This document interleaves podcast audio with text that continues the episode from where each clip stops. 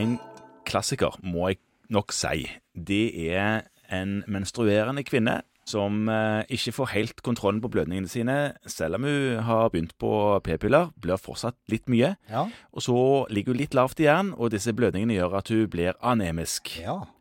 Og så prøver vi med jerntabletter, for det, det er jo lurt. Eh, Men hun får så vondt i magen uansett hvilken type preparat hun bruker. Det er et problem med en del av disse perorale jernsubstituttene, eller jerntilskuddene, at den gir litt magesmerter, ja. Ja, Og forstoppelse Ja. og sånne ting som det. Mm. Og hun lurte da på om man kunne tilby jerninfusjon. Ja, det, det er jo en ting som kanskje for noen av oss er litt glemt som behandling. Og Ja, glemt. Det er jo litt glemt fordi man stort sett, hvis man spør om det, får Nei, men det skal man jo ikke gjøre. Nei, i hvert fall for oss som tilhører det fortreffelige Stavanger universitetssykehus, Ja. så kom det for ikke så lenge siden et lite notat om det. Fordi at jeg har opplevd at det er noe tilbys litt oftere. Eh, Så derfor så var det ikke så overraskende at de nå sendte ut et brev om at det er et alternativ. Det de skriver i det brevet, at den behandlingen noen av de som er så gamle som oss, eh, kanskje husker fra, fra ungdommen, som var jern, intramuskulære jernsprøyter, som Ja. jo gjorde at alt smakte traktor i, i de neste tre ukene, mm. det er ut.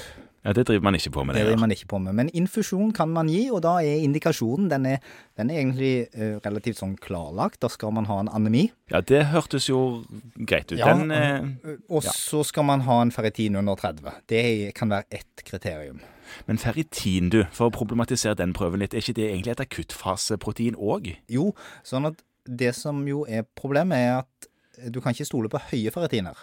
Nei, Men lave ferritiner kan du stole på. nettopp. Ja, sånn at i denne situasjonen så, så vil du på en måte ikke overbehandle pga. feil ferritin. Du Nei. vil kanskje underbehandle litt. Men så lister de også at en annen situasjon kan være at du har sikre symptomer på eller ganske sannsynlige symptomer på jernmangel, som f.eks. fatigue eller svimmelhet og veldig lav ferritin, under 30. Der det ikke er annen årsak til dette. Det er da viktig at man har utreda pasienten. Og så, hvis man har en lav ferritin og samtidig akutt fasereaksjon, så hvis du har høy CRP og høye andre akutt faseproteiner, det kan være senkning f.eks., men mm. lav ferritin, Mm. da er jo ferritinen kjempelav. Ja. Ja, Det tyder også på en jernmangel. Og så skriver de at isolert sett, hvis du har ferritin under nedre referanseområde Ja, eh, Hva er det igjen? Det er 9 for kvinner og 17 for menn. Ok. Så kan det også være indikasjon for å gi jerninfusjon. Hvem er det som har skrevet dette her, sa du? Det, det er da det som heter praksiskonsulentene på Stavanger universitetssykehus i samarbeid med noen overleger på sykehuset. Ja, Så dette her kommer fra de som faktisk skal si ja og nei til infusjon? Det gjør det, men det de da skriver er at før du da henviser, så må du da gjøre det du har gjort. Du må ha prøvd å gitt i jern, Ja. og så må det ikke ha funka. Og så må du gjøre en grundig utredning. Og det er jo kjempelurt at man utreder bakgrunnen for anemien før man begynner å fylle på. ja, altså Det nytter jo ikke å prøve å sørge for at det er fullt med vann i badekaret hvis proppen er ute. Nei, så det de, de skriver er at man må på en måte gjøre en ordentlig som du har gjort, og så en kostholdsanamnese. Og i ditt tilfelle så ville de vel kanskje spurt en gang til om Du skal ikke snakke med gynekologene da, om det er noe annet man kan gjøre for å stoppe disse blødningene. Ikke sant? Og så sier de at du må gjøre en gastrointestinal utredning med hemofekk i forhold til blødninger. Kanskje spesielt hos menn, hvor gunn er mindre vesentlig. Ja, cøliakiutredning kan være nyttig å gjøre, eller andre malabsorpsjonstilstander. Eksempel kalprotektin kan være lurt hvis de har diaré hele tiden. Ja, At det er en, kanskje en inflammatorisk tarmsykdom i bunn. Ikke sant? Og så Mhm. ber de jo da, det syns jeg jo nesten er litt snilt, at de ber om at det opplyses om hematologistatus og CRP Ja. i henvisningen. Det Hører vel med, tenker jeg. tenker jo jeg òg at hører med. Ja. Eh, Og så skriver de at denne henvisningen i Stavanger den skal sendes til riktig avdeling. Som, man, når man da har funnet ut hvorfor denne anemien har unntruffet, Ja, eksempel gunn. Ja, så skal man sende den til Gunn.